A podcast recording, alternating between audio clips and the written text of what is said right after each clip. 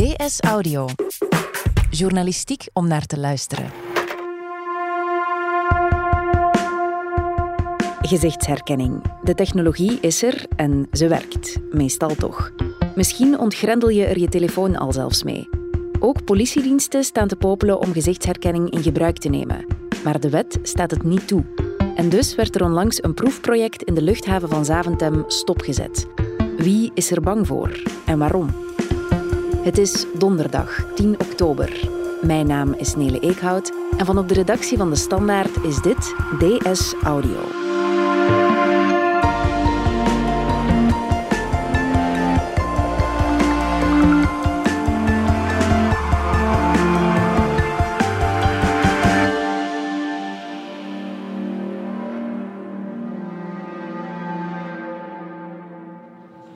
Kortrijk heeft een uitgebreid cameranetwerk met ondertussen al een 185 uh, stuks. En dus van hieruit kunnen wij live uh, beelden gaan bekijken. Kunnen wij inzoomen op bepaalde zaken die bijvoorbeeld aan het gebeuren zijn. Of er een groot evenement bezig is, kunnen wij daarop inzoomen om bepaalde uh, calamiteiten te detecteren. Worden alle beelden opgenomen? Ja, alle beelden worden opgenomen en die worden 30 dagen bewaard.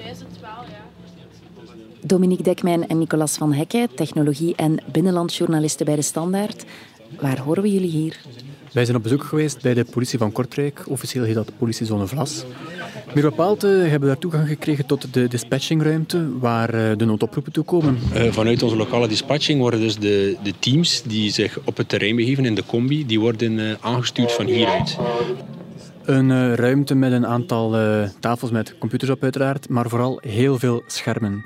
Die ruimte ziet er precies uit zoals je dat zou, zou verwachten eigenlijk. Daar staan, uh, ik geloof, 16 grote beeldschermen. En op elk van die schermen staan dan beelden van vier verschillende camera's die de hele tijd afwisselen. En zo zitten ze dus met een paar mensen naar, naar ja, uh, bijna 200 uh, videocamera's te kijken.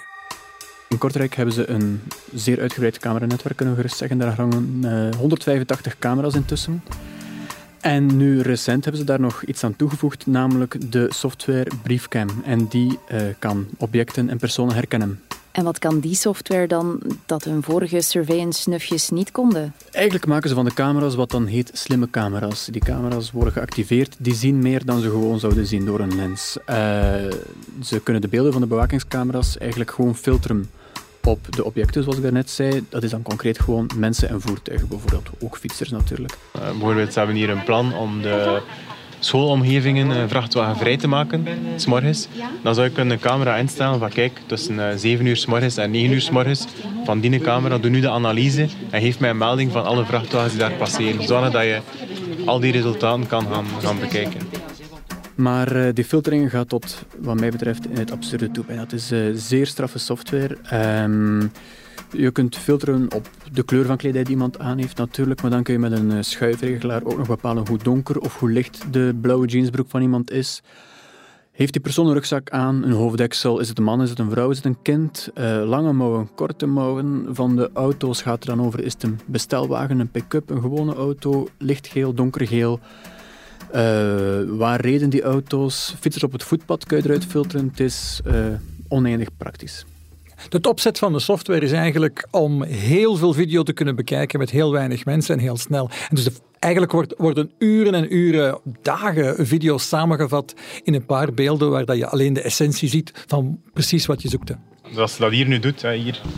Concreet hebben we daar het voorbeeld gezien dat zij daar gebruiken in hun lessen. Dat is, dat is van in de opleiding nog. Want ze leiden daar nu allerlei mensen op uh, om die software te gebruiken. En dat was een camera die stond gericht op een gewone woonstraat. Uh, op uh, 17 september was dat, tussen 3 en 6 uur in de namiddag. Die camera hangt er altijd, want dat was dus de beelden die tussen 3 en 6 uur in de namiddag werden gebruikt of gemaakt. Het is eerst in de case. En um, dat was dan zo dat in een video van een kwartier werden al die beelden samengedrukt eigenlijk. En als ze dat dan afspeelt, gaat eigenlijk al die objecten samen gaan tonen. Zodanig dat je één video kreeg waarin alle auto's en mensen elkaar voor de voeten liepen, elkaar overrompelden. En nu speelt hij de ver, het verkorte video af. Hij heeft, heeft die video geanalyseerd, hij heeft daar 1463 objecten in gevonden. Ja. Ja, dus hij toont al die objecten, hij ook iedere keer het tijdstip. Dat was 1547, 15 uur 15, 15 uur 19. Dus je ziet nu al die objecten samen. Maar zo kon je dan ja, gaandeweg ook filteren toon nu alleen nog de mensen met iets roods aan, bijvoorbeeld. Of toon alleen de mensen met een rugzak. Toon alleen de witte bestelwagens. En zoals Dominique daarnet zei, ja, het, het positief daarvan is, het handige daarvan, is dat ze uh, uren video die anders moesten worden bekeken. Dikwijls gebeurde dat wel versneld door een persoon, weliswaar. Dus je bent daar een, een, een rechercheur aan kwijt. Nu doet de software dat voor jou.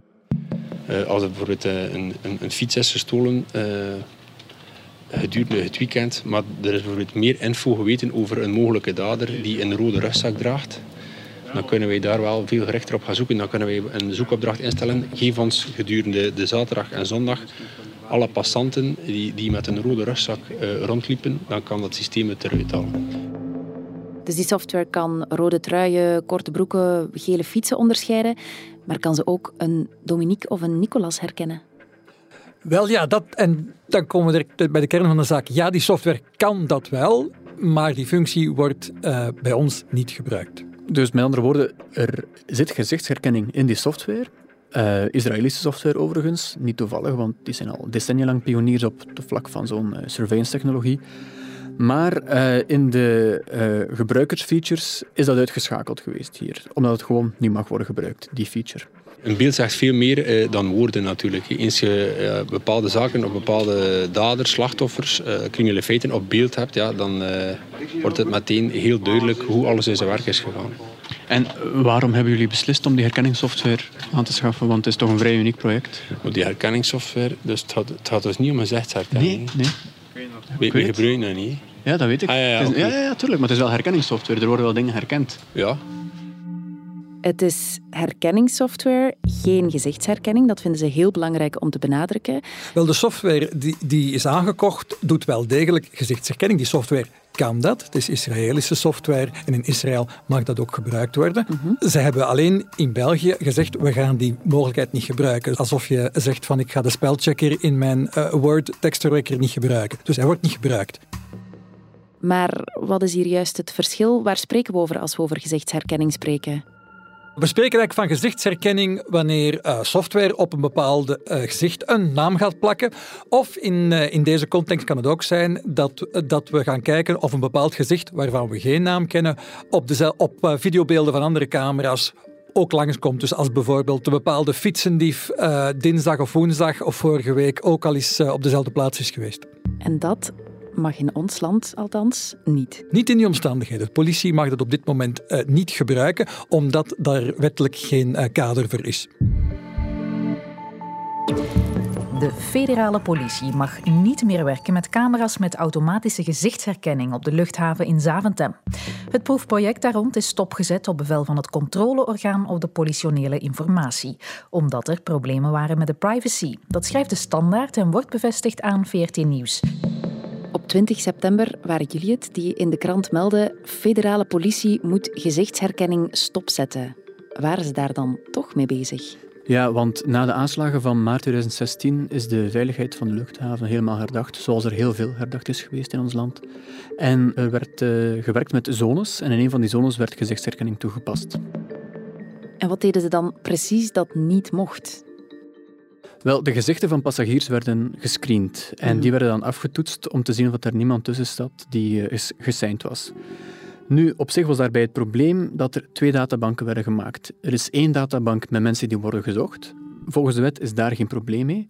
Maar tegelijk, ter plekke daar in Zaventem, maakt die software ook een databank van alle gezichten die daar passeren. Een technische databank heet, heet dat in het jargon. En dat mag niet natuurlijk. Je mag niet als politiedienst zomaar, niet discriminerend heet dat dan, uh, gezichten van mensen beginnen opslaan. Mhm, dus ja, en mijn gezicht kon daar even goed tussen hebben gezeten. Als jij langs de luchthaven bent gepasseerd tijdens dat proefproject, is de kans reëel dat jouw gezicht op een gegeven moment opgeslagen is geweest. Maar wist de politie dan niet dat dat niet mocht? Blijkbaar niet, moeten we vaststellen. Inderdaad, het hmm. is pas toen het controleorgaan voor de politionele informatie, die houdt toezicht op de privacy-toepassingen bij, uh, bij de politie, zowel federaal als uh, lokaal, Pas toen dat orgaan daar is langs geweest, is gezegd geweest van sorry, jullie moeten hier nu meteen mee stoppen. Ja, het is ook enorm ingewikkelde software. Er zijn veel vormen van gezichtsherkenning. Er, is, er wordt heel veel geëxperimenteerd, ook uh, in de buurlanden. Dus er is echt, echt wel een gebrek aan duidelijkheid hoor. De software die in Zaventem werd gebruikt, was dat dezelfde als die nu in Kortrijk wordt gebruikt? Voor zover wij weten was dat een andere toepassing. Zoals ik het nu begrijp, mag het wel om rode rugzakken en blauwe broeken te onderscheiden. De gevoeligheid ligt hem bij biometrische gegevens. Wat zijn dat juist? Dat zijn uh, parameters die gewoon jouw fysiologie weergeven. Bijvoorbeeld de hoogte van je voorhoofd, de mhm. afstand tussen je ogen, uh, de vorm van oren, dat is van alles. Uh, dat is het algoritme, berekent dat dan. En die maken dan een soort biometrische afdruk daarvan. Dat is geen scan van je gezicht, maar een digitale neerslag daarvan. En die wordt dan afgetoetst aan allerlei andere biometrische afdrukken die ze hebben, om te zien, is er een match. En dat mag nu dus niet. Komt daar verandering in? Daarvoor is inderdaad de wetswijziging nodig en daarover wordt momenteel volop gedebatteerd. Onder meer in het parlement op 26 september was dat zo. Het gaat over de automatische gezichtsherkenning. Uh, meneer de minister, meneer de voorzitter. Uh, in 2017 was er een testfase voor automatische gezichtsherkenning. Als mensen uiteindelijk incheckten, werden ze gecontroleerd. Zijn het wel de mensen die op het vliegtuig mogen? Is er geen gevaar? Maar het controleorgaan op de politionele informatie die heeft plots gezegd, dit kan zo niet meer verder. Het systeem moest stand-TPD stopgezet worden en er is geen controle met die gezichtsherkenning, niets meer. Het experiment is stopgezet uh, in Zaventem. Er is die parlementaire vraag geweest. Hoe zit het ondertussen? Ja, het is zeer duidelijk dat de ontslagnemende minister van Binnenlandse Zaken, Pieter de Krem, van plan is om de politie verder te helpen uh, om die projecten verder te zetten. Ik zal dus met de federale politie, met haar hoofdverantwoordelijken en alle deelverantwoordelijken, er alles aan doen om dit proefproject zo snel mogelijk opnieuw op te starten, maar ook uit te breiden naar andere toepassingsgebieden en andere plaatsen met hoge risico's. Uh, in uh, het parlement noemde hij de technologie een essentiële tool, geloof ik, in de bestrijding van de misdaad. En hij gaf ook al een voorzet om gewoon een wetswijziging te maken als dat nodig zou zijn. Ik herhaal dat met inachtneming van de regels in zaken privacy en gegevensbescherming die inzet van nieuwe technologieën, in het bijzonder die van gezichtsherkenning, essentieel is om onze samenleving te beschermen tegen terrorisme en de georganiseerde criminaliteit. De ontslagnemende minister noemt gezichtsherkenning essentieel in de bescherming tegen terrorisme, zoals je zei. Heeft hij daar een punt? Hoe essentieel is deze nieuwe technologie? Uh, terrorisme wordt er altijd heel snel bijgehaald. Ik denk dat er een, een vrij grote consensus is, zelfs onder tegenstanders van gezichtsherkenning, dat je in geval van uh, terrorisme inderdaad ergens een mogelijkheid moet hebben als er geen andere manier is om, om, echt levens te redden. De grote vraag is natuurlijk. Uh, hoeveel verder dan gaat het? Hè? Mag je, zoals men in Londen aan het doen was, uh, ja, potentiële inbrekers op straat detecteren in een winkelbuurt, misschien uh, bedelaars gaan, gaan detecteren en, en buiten zo'n wijk houden. Hè. Dat, dat is waar van sprake was in die King's Cross uh, buurt in, uh, in Engeland. Hoe ver kan het eigenlijk gaan? En daarvoor heb je, heb je eigenlijk een publiek debat nodig. Een gesprek over van kijk, wanneer kan het wel en wanneer kan het niet? Wanneer is het proportioneel en wanneer is het overdreven om gezichtsherkenning in te zetten? Hoe waterdicht is die methode? Um, ik ben bijvoorbeeld een witte vrouw met halflang bruin haar, maar op een luchthaven lopen er zo wel een aantal rond. Wel, precies. Uh, wel, met witte gezichten lukt het vrij goed. Het probleem dat men opgemerkt heeft, vooral in de Verenigde Staten, waar dat extra gevoelig ligt, is dat gezichtsherkenning vrij precies werkt voor witte gezichten en minder nauwkeurig voor donkerdere gezichten. Uh, specifiek dus als je aan het zoeken bent naar verdachte gezichten, dat je er ter onrechte wordt uitgehaald omdat je een beetje veel lijkt op een verdachte, is meer waarschijnlijk als je een donkere huid hebt. Uh, dat heeft ermee te maken dat die software in de tijd getraind is, want het gaat om deep learning software die leert zichzelf gezichtherkenning op basis van, uh, herkennen op basis van miljoenen voorbeelden. Die software is oorspronkelijk getraind met vooral foto's van witte mensen en daar werkt hij dus beter voor. Men probeert dat nu intussen te corrigeren, maar het blijft toch een nijpend probleem. Je weet nooit of je iedereen gelijk bent aan behandelen. We hebben het nu over de Verenigde Staten, maar toen met het experiment in Zaventem is ook gebleken dat de software blijkbaar nog niet helemaal op punt staat. Ja, het probleem hier was dat er ook veel valse positieven waren. Met andere woorden, mensen mhm. werden, werden herkend terwijl het niet om hen ging. Ja, en dat is niet fijn als het je overkomt. En nog erger zou het zijn, moest blijken, wat wij niet weten, dat zoals in de Verenigde Staten toevallig mensen met een donkerdere huid vaker eruit gepikt worden als verdachten.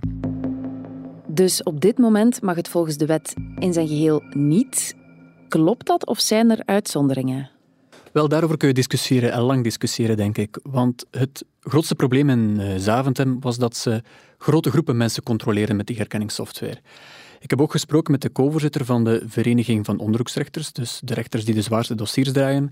En hij meent dat op basis van de huidige wet in heel concrete gevallen, concrete dossiers, om één persoon te zoeken, het wel zou kunnen. Een heel concreet voorbeeld. We weten dat Jos de Sutter rondloopt in Gent met een bom. Voor alle duidelijkheid, Jos is een fictief voorbeeld. Oké. Uh, en uh, in Gent heeft de politie de herkenningssoftware op zijn camera staan.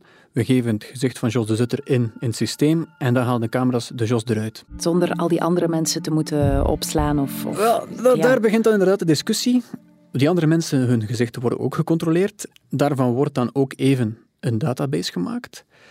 Mag dat, mag dat niet? Daarover het is echt een heel donkere grijze zone waarin heel het debat zich nu op dit moment bevindt. Ja, en het probleem zit hem zelfs in, in dat woordje dat je net zei, heel even, het probleem van opslag. Zelfs het tijdelijk bijhouden van die gegevens is gewoon verboden. Zoals ik het begrijp wel. In de wet is dat op dit moment verboden. En is dat overal zo? Um, in, in China wordt de technologie nu op een heel hoog tempo uh, met miljoenen camera's uh, in gebruik genomen. Uh, waar trouwens heel veel discussie over is op vlak van mensenrechten.